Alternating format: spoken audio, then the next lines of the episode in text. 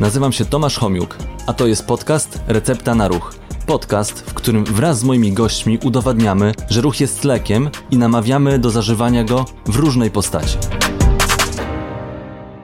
Cześć, e, witam Was w kolejnym odcinku Recepty na Ruch. Dzisiaj moim gościem jest Ela Furman, fizjoterapeutka, instruktorka, trenerka, wykładowca. Elu, czym na co dzień się zajmujesz?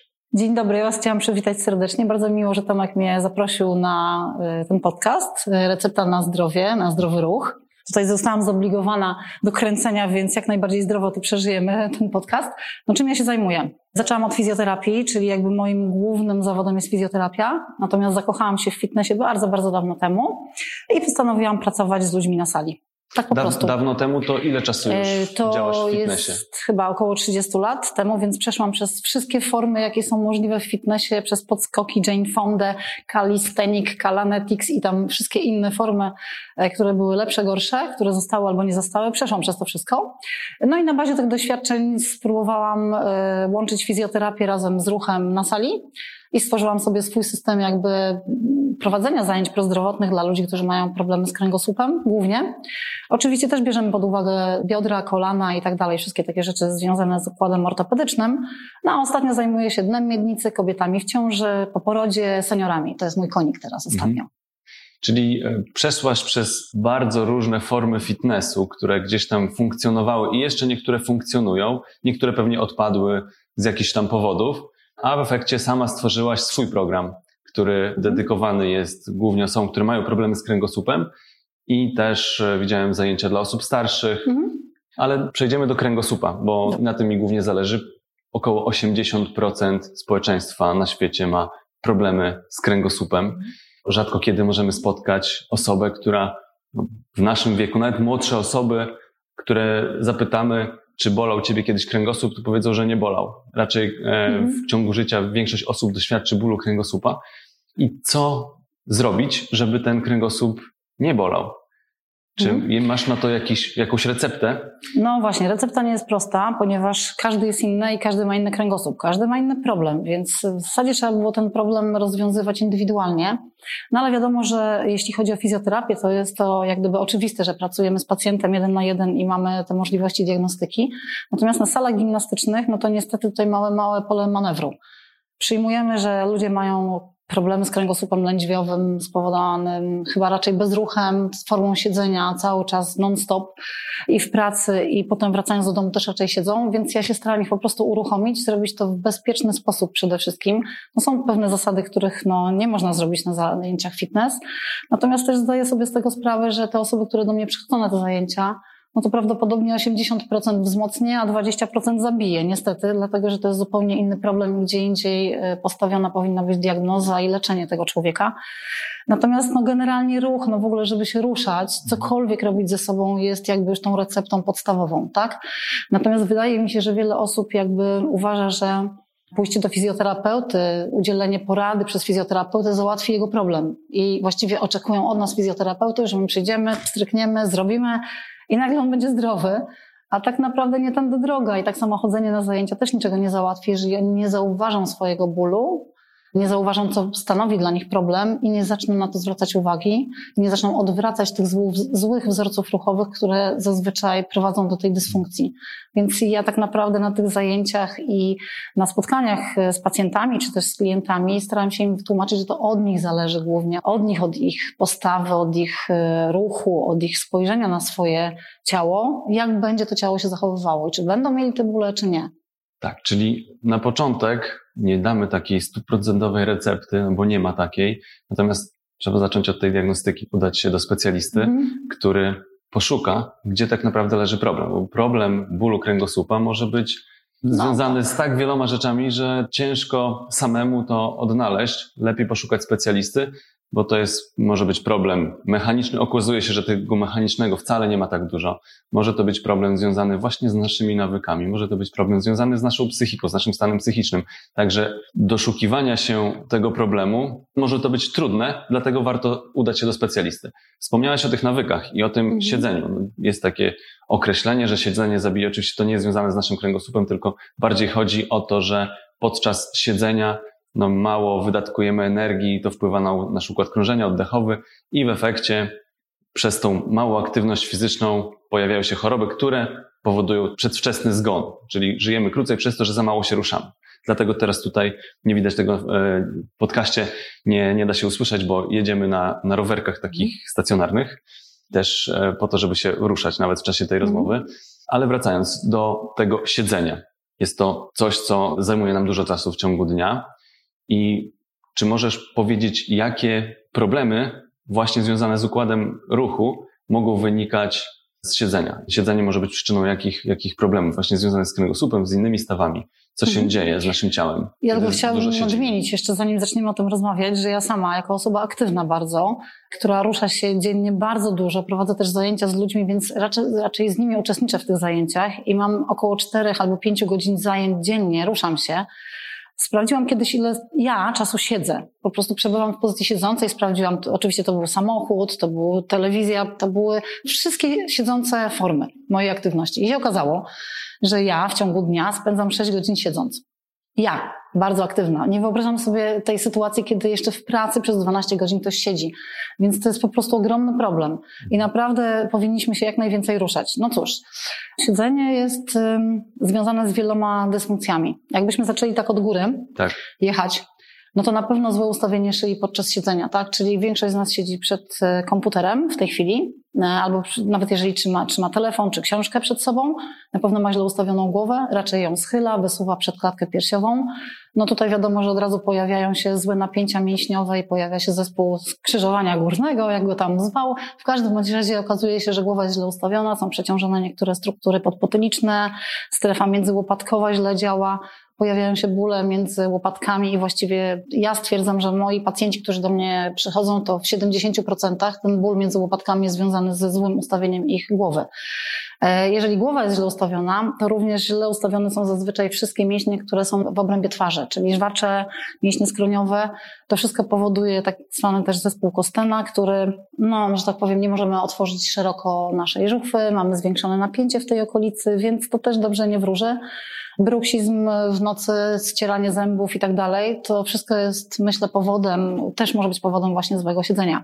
Jak pójdziemy trochę niżej, zobaczymy swoją klatkę piersiową, która wiecznie jest zamknięta i pochylona do przodu, z rękami wysuniętymi w przód, bez otwarcia, no to od razu przychodzi nam do głowy, że źle oddychamy, tak? że mamy źle ustawiony kręgosłup piersiowy, które podczas wdechu powinny się lekko prostować. My nie dajemy tej szansy przy wdechu, więc cały czas jesteśmy zgięci, zamknięci.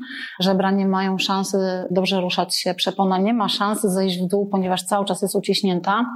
Tutaj jeszcze chciałam zwrócić uwagę, że ja mam takie doświadczenia, że młode dziewczyny, młode kobiety, chcąc wyglądać ładnie, zawsze się ściskają czymś w pasie, żeby mieć tutaj mniej centymetrów. No i to też powoduje, że ta przepona właściwie nie ma szans, żeby pójść w dół, żeby uruchomić też prawidłowy ruch naszych narządów wewnętrznych. Więc oddech jest na pewno zły, więc dotlenienie jest złe, dotlenienie jest złe, praca serca zła, mózg jest źle dotleniony, to wszystko pociąga ze sobą taką właściwie lawinę, która powoduje, że y, zaczynamy źle oddychać, źle się dotleniać, źle myśleć. Nasze narządy wewnętrzne nie mają tej fajnej takiej pracy z przeponą, czyli one nie są masowane, płyny źle przepływają. Więc od razu widzimy, że na pewno w obrębie brzucha też się będzie pojawiał problem rozluźnionych mięśni brzucha, zbyt daleko oddalonych mięśni grzbietu, które w pozycji zgięciowej przecież jesteśmy zazwyczaj w tym siedzeniu. Więc praktycznie rzecz biorąc w obrębie naszego środka ciała, tak zwanego koru, też się dzieje straszna tragedia właściwie, katastrofa jakaś mała budowlana. Nie mówiąc o tym, że siedzimy długo, więc nasze pośladki też są nieaktywne. Nasze zginacze bioder są przykurczone, kolana są cały czas zgięte w jednej pozycji, więc tam też jest ogromne przyparcie na wszystkich stawach. Stawy skokowe nieruchome. No cóż, no, naprawdę to jest mała katastrofa, ja bym powiedziała, przez tyle godzin siedzieć i nie ruszać się. Zresztą, słuchajcie, przecież narząd ruchu, jak sama nazwa wskazuje, lubi się ruszać. Do ruchu.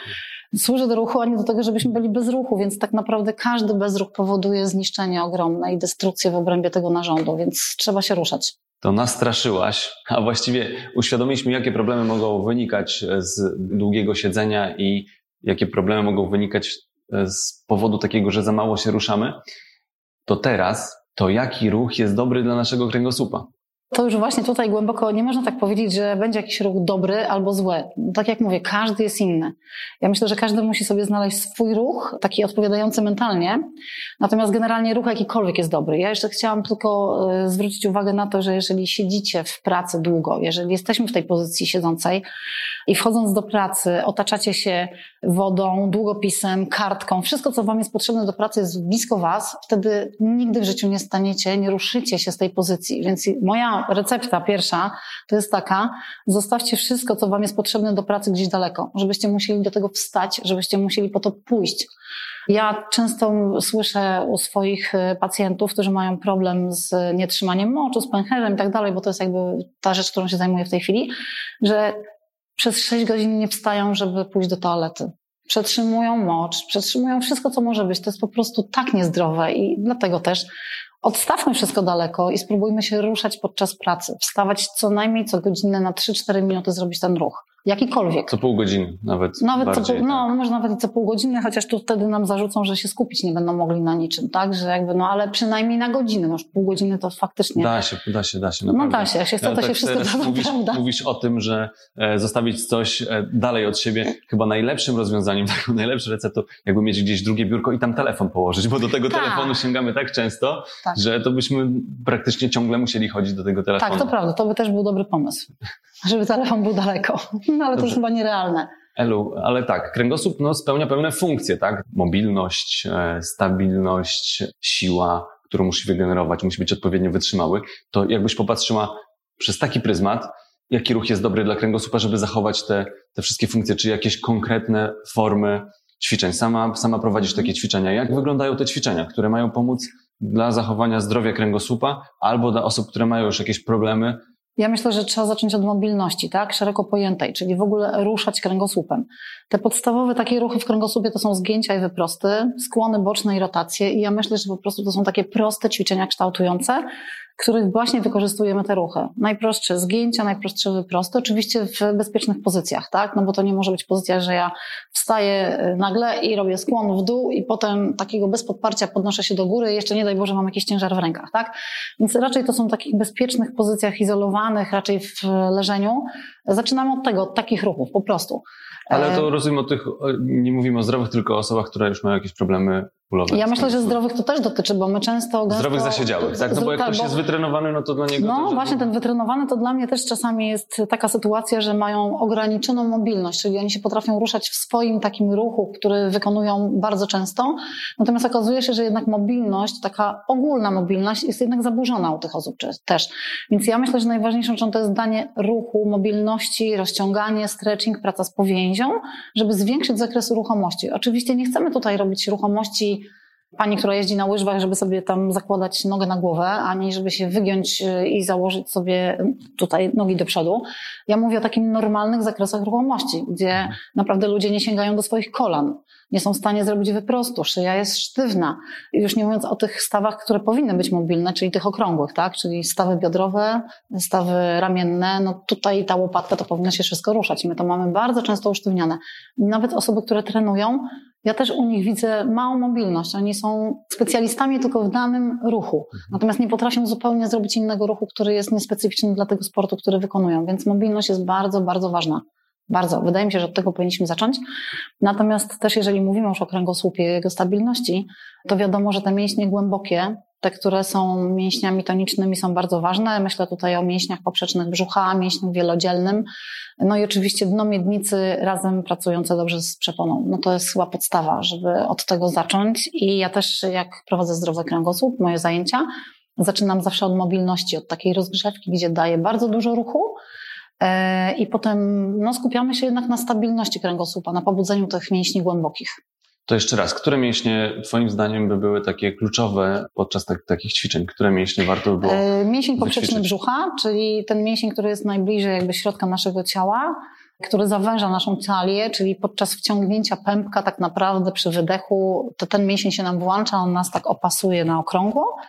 Mięsień wielodzielny, który jest mięśniem łączącym poszczególne kręgi ze sobą z tyłu na kręgosłupie. Prawidłowa praca przepony i no i dno miednicy, jako podparcie całego naszego ciała od spodu. No i myślę, że właśnie mobilność jeszcze w tych stawach takich e, okrągłych, czyli biodra, Też mobilne biodra dają szansę, że nie będziemy wykorzystywać nadmiernie kręgosłupa podczas ruchu, e, tylko wykorzystamy swoje nogi. Kolana zazwyczaj mają dobrą ruchomość. No, stawy skokowe jeszcze dają wiele do życzenia. Nawet ja mam taką ograniczoną troszeczkę możliwość w swoim stawie skokowym. No i barki, łopatki też powinny być bardzo mobilne. No, kręgosłup piersiowy powinien pójść do wyprostu, no ale to już jest jakby strefa mobilności. Natomiast jeśli chodzi o siłę i o zabezpieczenie, to jednak ten kor, czyli poprzeczny brzucha, wielodzielny, dno miednicy i prawidłowo pracująca przepona. Powiedz mi proszę jeszcze, jeśli ktoś ma problemy bólowe, to powiedzieliśmy, żeby spotkać się ze specjalistą i e, zobaczyć, gdzie może leży problem, żeby nauczyć tego ruchu. Ale co dalej? Co taka osoba, jeśli chce zadbać o ten kręgosłup, to jak często powinna korzystać z tego typu ćwiczeń? Jak na przykład te grupy, które prowadzisz, to w jakiej częstotliwości? Jaka jest mhm. dawka tego ruchu, czyli ile czasu trwają zajęcia? Jak to wygląda? No ja to tak wychodzę z założenia, że trening czyni mistrza. Więc jakby im częściej e, odbywamy jakieś sesje treningowe, tym bardziej nam to w krew wchodzi i potem e, te ćwiczenia możemy przełożyć e, do tego naszego życia na co dzień, co jest bardzo ważne, żeby te bodźce i te ruchy, których uczymy się na zajęciach, te prawidłowe, przełożyć potem na życie na co dzień. No bo nie wyobrażam sobie, że przez godzinę ćwiczyć trzy razy w tygodniu powiedzmy, a potem 7 godzin i tak siedzę w złej pozycji. No to nijak się ma ta, ta godzina treningu. Więc tak naprawdę bardzo ważną rzeczą jest, żeby nasi klienci, nasi pacjenci, nasi w ogóle podopieczni zrozumieli, że to od nich zależy, czy będzie zdrowy ten kręgosłup i żeby wykorzystywali te dobre nawyki ruchowe na co dzień. To jest trudne. Ja jak pracuję ze swoimi klientami, no to uczę ich jakiegoś ruchu konkretnego, jak mają y, stać, przede wszystkim tej podstawowej postawy, czyli jak mają się ustawić w staniu, jak mają siedzieć i daję im do domu takie przypominaczki, żeby albo w telefonie mi coś bzyknęło, i to jest ta właśnie prawidłowa postawa, wtedy ją robię, albo tak zwane fiszki wieszają sobie w domu, siedem fiszek, siedem karteczek przyklejonych w różnych miejscach, widzę karteczkę, no furman mówiła, żeby się wtedy wyprostować. No ja nie mam taki odruch wtedy, no to ja wtedy złapię tą prawidłową pozycję. I powiem szczerze, że po miesiącu takiej pracy, gdzie oni widzą tą kartkę, reagują tym wyprostem, tym dobrym ustawieniem, po jakimś czasie łapią się na tym, że właściwie to nie widzą tą kartkę, już są dobrze ustawieni. Więc to jest nic innego jak złapanie dobrego nawyku ruchowego. Natomiast ćwiczenia, no to jest bardzo indywidualne. Wydaje mi się, że co trzy razy w tygodniu, minimalnie dwa razy w tygodniu byłoby super. Częściej sami ze sobą powinni ćwiczyć w domu też, wiadomo. Tak jak mówię, trening czyni mistrza. Nie dlatego mamy zdrowe zęby, że chodzimy raz w roku do dentysty, tylko dlatego, że codziennie o nie dbamy, więc ten nawyk ruchowy, to dbanie, dlaczego nie dbamy o swój kręgosłup, a dbamy o swoje zęby? Dlaczego kurcze dziewczyny się codziennie malują, dbając o swój wygląd, a nie pomyślą o tym, że no tam jest coś ważniejszego jeszcze oprócz tej twarzy, więc jakby warto by było zadbać o to swoje ciało właśnie w ten sposób, żeby codziennie dawać mu tą dawkę do dobrego, zdrowego ruchu. Chociażby poprzez to przyjęcie dobrej pozycji. Mhm. Naprawdę, to chyba jest jakby główny punkt. Tak, pamiętam z takich zasad ergonomii i właściwie co może przeciążać nasze ciało. Taki trójkąt jest, takie trzy punkty. Pierwsze to jest postawa. Jeśli mhm. ona jest taka, właśnie gdzieś powstaje jakaś dźwignia, coś, coś jest bardziej wysunięte od, od e, naszego centrum ciała, czyli przesuwa się na środek ciężkości, no to to powoduje jakieś tam, może powodować jakieś tam przeciążenie. Oczywiście, jeśli to jest długotrwałe, bo pierwsze to jest postawa, drugie to jest częstotliwość, czyli czas trwania, a trzeci punkt to jeszcze obciążenie.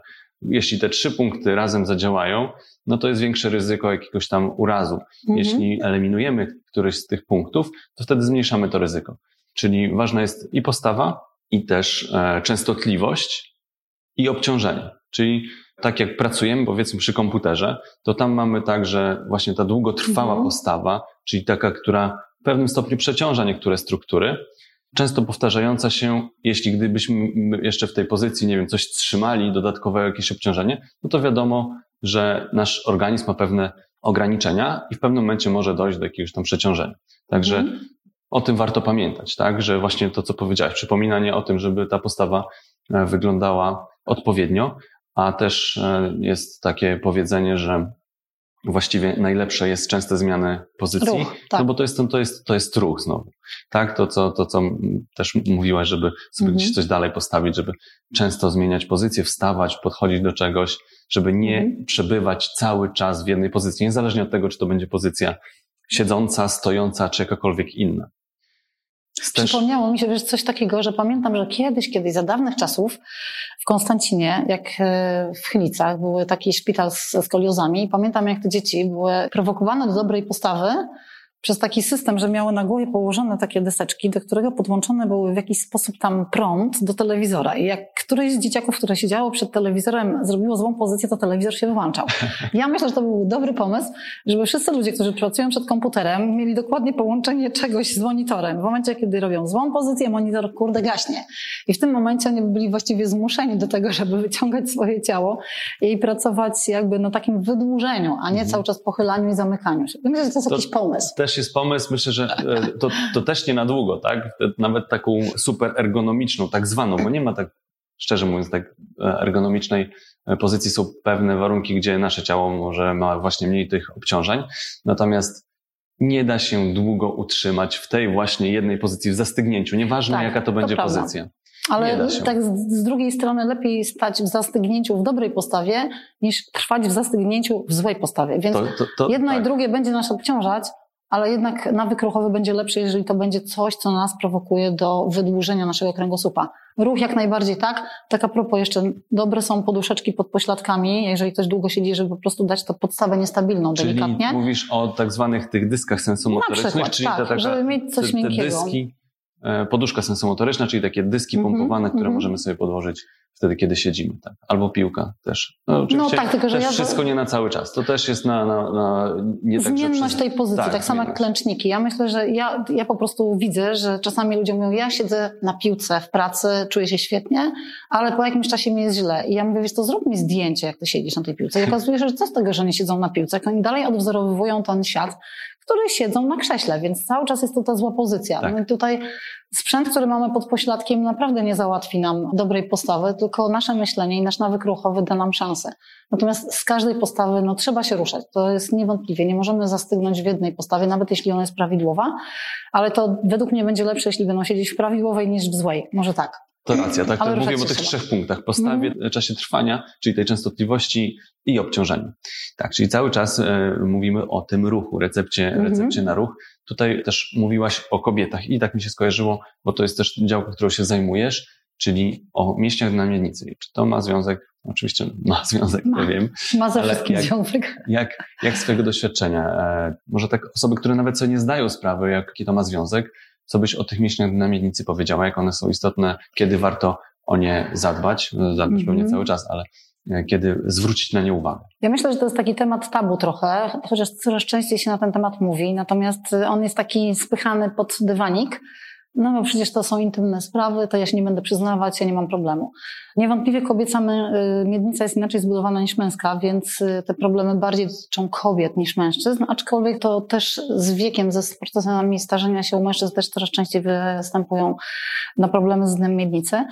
Natomiast ja myślę, że tak, że kobiety, które rodziły dzieci, to na pewno powinny zadbać o dno miednicy, sprawdzić sobie u fizjoterapeuty po porodzie, sprawdzić jak działa to dno miednicy, czy jest aktywne, czy mięśnie dają radę. Robimy tam testy szybkości, wytrzymałości, siły skurczu i tak dalej, no to już nie będę o tych szczegółach opowiadać. W każdym razie na pewno kobiety, które rodziły powinny to sprawdzić. Kobiety, które przygotowują się do ciąży, to jest też bardzo ważne, żeby nauczyć pracować je wtedy na miednicy.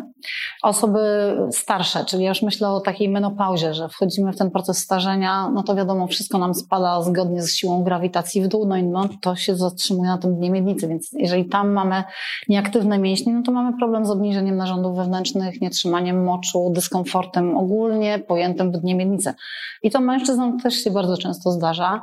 Taki uogólniony ból w miednicy, wszyscy wszyscy szukają w kręgosłupie, to potem się okazuje, że to właśnie jest, y, jednak są te mięśnie głębokie zawieszone właśnie tam na dole. Więc warto też, jeżeli mamy takie bóle w obrębie miednicy niezdiagnozowane, nie widzimy przyczyny, wszyscy mówią, wszystko jest w porządku, no to udać się do fizjoterapeuty jednak urologicznego, to ginekologia to tak już jakby dla kobiet y, precyzuje ten temat, ale tak naprawdę my się zajmujemy też mężczyznami i sprawdzić, co tam się dzieje dziewczyny młode, które ćwiczą mocne treningi, tam jest naprawdę wysiłkowe nietrzymanie moczu. To jest po prostu bagatelizowanie tego problemu, że nagle na wkładce pojawia się płyn, mocz. Mężczyźni tak samo, to też dotyczy mężczyzn. No bagatelizuje się to, no bo wszędzie w reklamach, w telewizji mamy kupcie ten na live, włóżcie sobie w odpowiednie miejsce i wszystko będzie w porządku. Ale tak naprawdę to mamy cały czas problem, i ten problem no, jest nierozwiązany, narasta, narasta, narasta, jest coraz gorszy i często źle działająca miednica daje też obrębie właśnie kręgosłupa bóle, bo jest źle podparty sam dół, to co jest tam dla nas ważne, ta podłoga, no nie trzyma się niczego, więc warto o to zadbać. Ja zachęcam, żeby badać się i jeżeli mamy jakieś tam podejrzewamy nietrzymanie wysiłkowe moczu i to nie jest tylko ten moment, kiedy ja robię podskok i czuję, że wylatuje mi mocz, ale to jest tak samo efekt przy kichaniu czy przy kasznięciu. Jeżeli pojawia się wilgoć w obrębie cewki moczowej, to już jest sygnał, że coś jest nie tak. I warto to zrobić wcześniej niż później, bo później to już są ogromne problemy i my czasami fizjoterapeuci już nie dajemy rady pomóc w tym momencie, już niestety to jest chirurgia.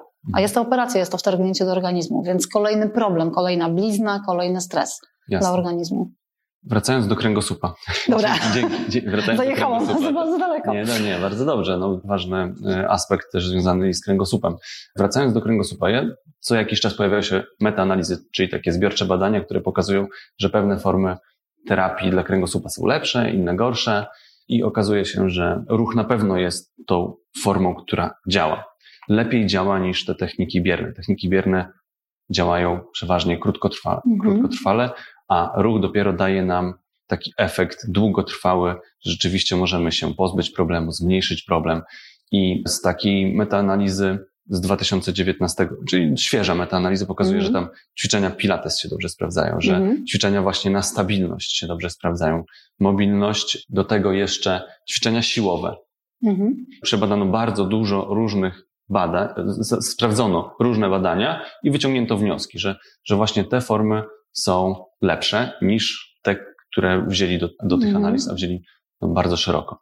O treningu siłowym jeszcze nie, nie powiedzieliśmy i tutaj nie pojmuję właśnie treningu siłowego w kontekście tylko jakichś takich maszyn na siłowniach, tylko trening siłowy może być z obciążeniem własnego ciała, może być z jakimś niewielkim obciążeniem, może to być guma, może być to jakiś ciężarek taki, który nawet w domu mamy, czy w tych zajęciach, które ty prowadzisz, to bardziej prowadzisz fitness, czyli to jest połączenie trochę pewnie wytrzymałościowych, nie, nie, nie. Jeśli nie? chodzi o zdrowy kręgosłup, to są zajęcia typowo prozdrowotne, czyli tam nie ma w ogóle akcentu aerobowego. Tam jest akcent prozdrowotny, czyli właśnie zabezpieczenie mobilności kręgosłupa i jego stabilności. No to ale żeby stabilność, to rozumiem, takie... że tam musi być trochę jednak tego treningu siłowego. Yy, no tak, ale pracujemy z własnym ciężarem ciała, tak? Mhm. Czyli znaczy, wchodzi tam w grę, żeby podać ludziom również ciężarki, czyli coś, co działa na długiej dźwigni. To ja ich nie lubię za bardzo, ale faktycznie taśmy, ekspandery, które możemy rozciągać, mając zabezpieczone dwa punkty, gdzie ten łańcuch y, mięśniowy jest zamknięty, są jak najbardziej wskazane. W tych ćwiczeniach zdrowego kręgosłupa też wykorzystujemy elementy metody Pilates, bo to też nie jest tak, że ja bym chciała rozróżnić te zajęcia zdrowy kręgosłup od Pilatesa, żeby to nie było to samo. Żeby jeżeli ktoś jest fanem Pilatesa, on idzie dokładnie na Pilates, tak. a tutaj są tylko elementy, więc te elementy, które ja sobie biorę z Pilatesa do tych zajęć, to jest głównie praca na mięśniu poprzecznym brzucha, ale nie w takiej formie jak w Pilatesie, czyli nie wykorzystuję wszystkich pozycji wyjściowych z Pilatesa, ale przekładam to, tak? Pracuję. Bardziej pracuję ćwiczeniami kształtującymi, naprawdę takimi prostymi zgięciami, wyprostami, takimi rzeczami, którym ludziom przyjdzie łatwość tych ćwiczeń. One są łatwe technicznie. Pilates tak się wydaje, że tam się nic nie dzieje, ale to jest naprawdę trudna technicznie gimnastyka e, z takim podłożem oddechowym i naprawdę z dużą świadomością własnego ciała. To się wydaje, że to jest mhm. takie proste. To naprawdę trzeba przejść przez te Dużo etapy. jest takich ćwiczeń, które z boku wyglądają na tak, proste, tak, tak, a jak tak, się e, tak. samemu ich spróbuje, to wcale tak nie To jest. podparcie środkiem ciała i takie wykorzystanie tego napięcia mięśnia poprzecznego brzucha, który nie wytwarza tłoczni brzusznej, jest naprawdę trudne. Mhm. Naprawdę trudne. Mam nadzieję, że pokażesz nam swoje, nie wiem, trzy, pięć ulubionych ćwiczeń, takich, które, które działają dobrze na kręgosłup i zaprezentujemy je w, to już tylko na YouTubie będzie się dało obejrzeć. No, nie opowiemy mhm. dokładnie o ćwiczeniach, chyba, że chcesz powiedzieć, które, tak, ja myślę, że takim usłyszeć w podcaście. Ja myślę, że takim prostym ćwiczeniem to jest po prostu wciągnięcie pępka z wydechem. To jest coś, co angażuje mięsień poprzeczny brzucha. Trzeba się dobrze ustabilizować, trzeba mieć dobrą postawę, czyli już wiedzieć, jak jest ustawiona miednica, znaleźć sobie punkty kontroli na tej miednicy, ustawić ją dobrze, wyciągnąć ten czubek głowy do sufitu, cofnąć brodę, żeby była nad klatką piersiową i wtedy prosty wdech nosem, wydech buzią z wciągnięciem pępka i nie ruszeniem niczym w obrębie kręgosłupa, tylko zawężeniem talii będzie właśnie tym ćwiczeniem.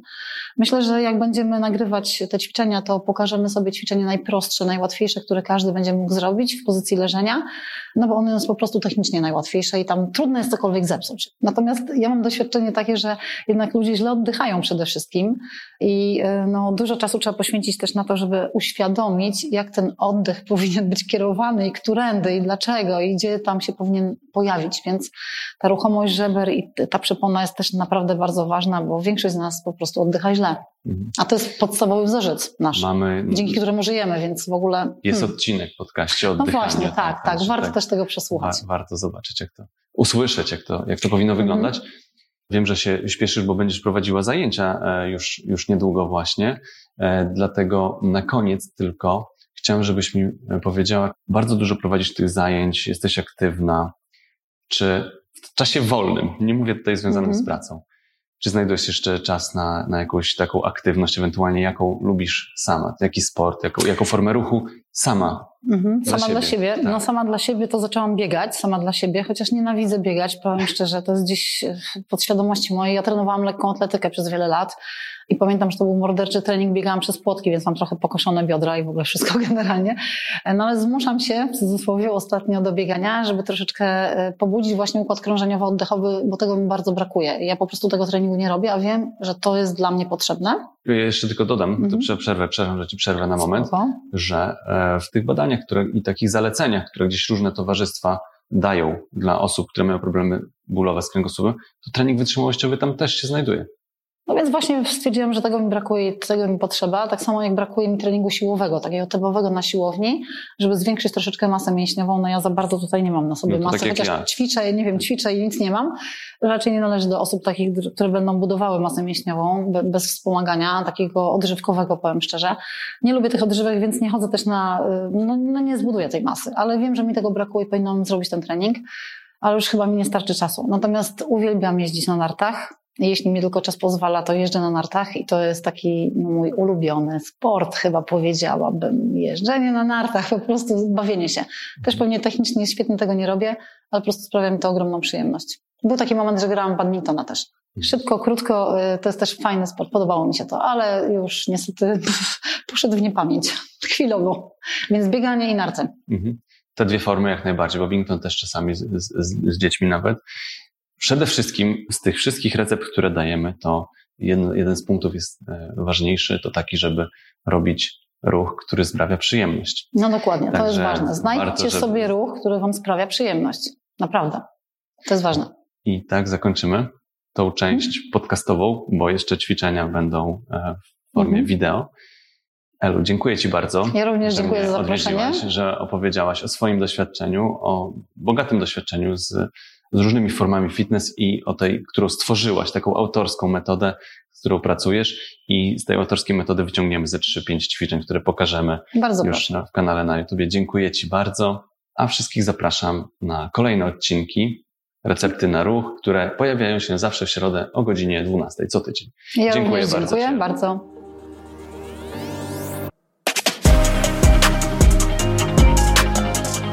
Dzięki, że byliście. Mam nadzieję, że zostaniecie tutaj na dłużej. Jeżeli chcecie być na bieżąco, zasubskrybujcie kanał Recepta na Ruch.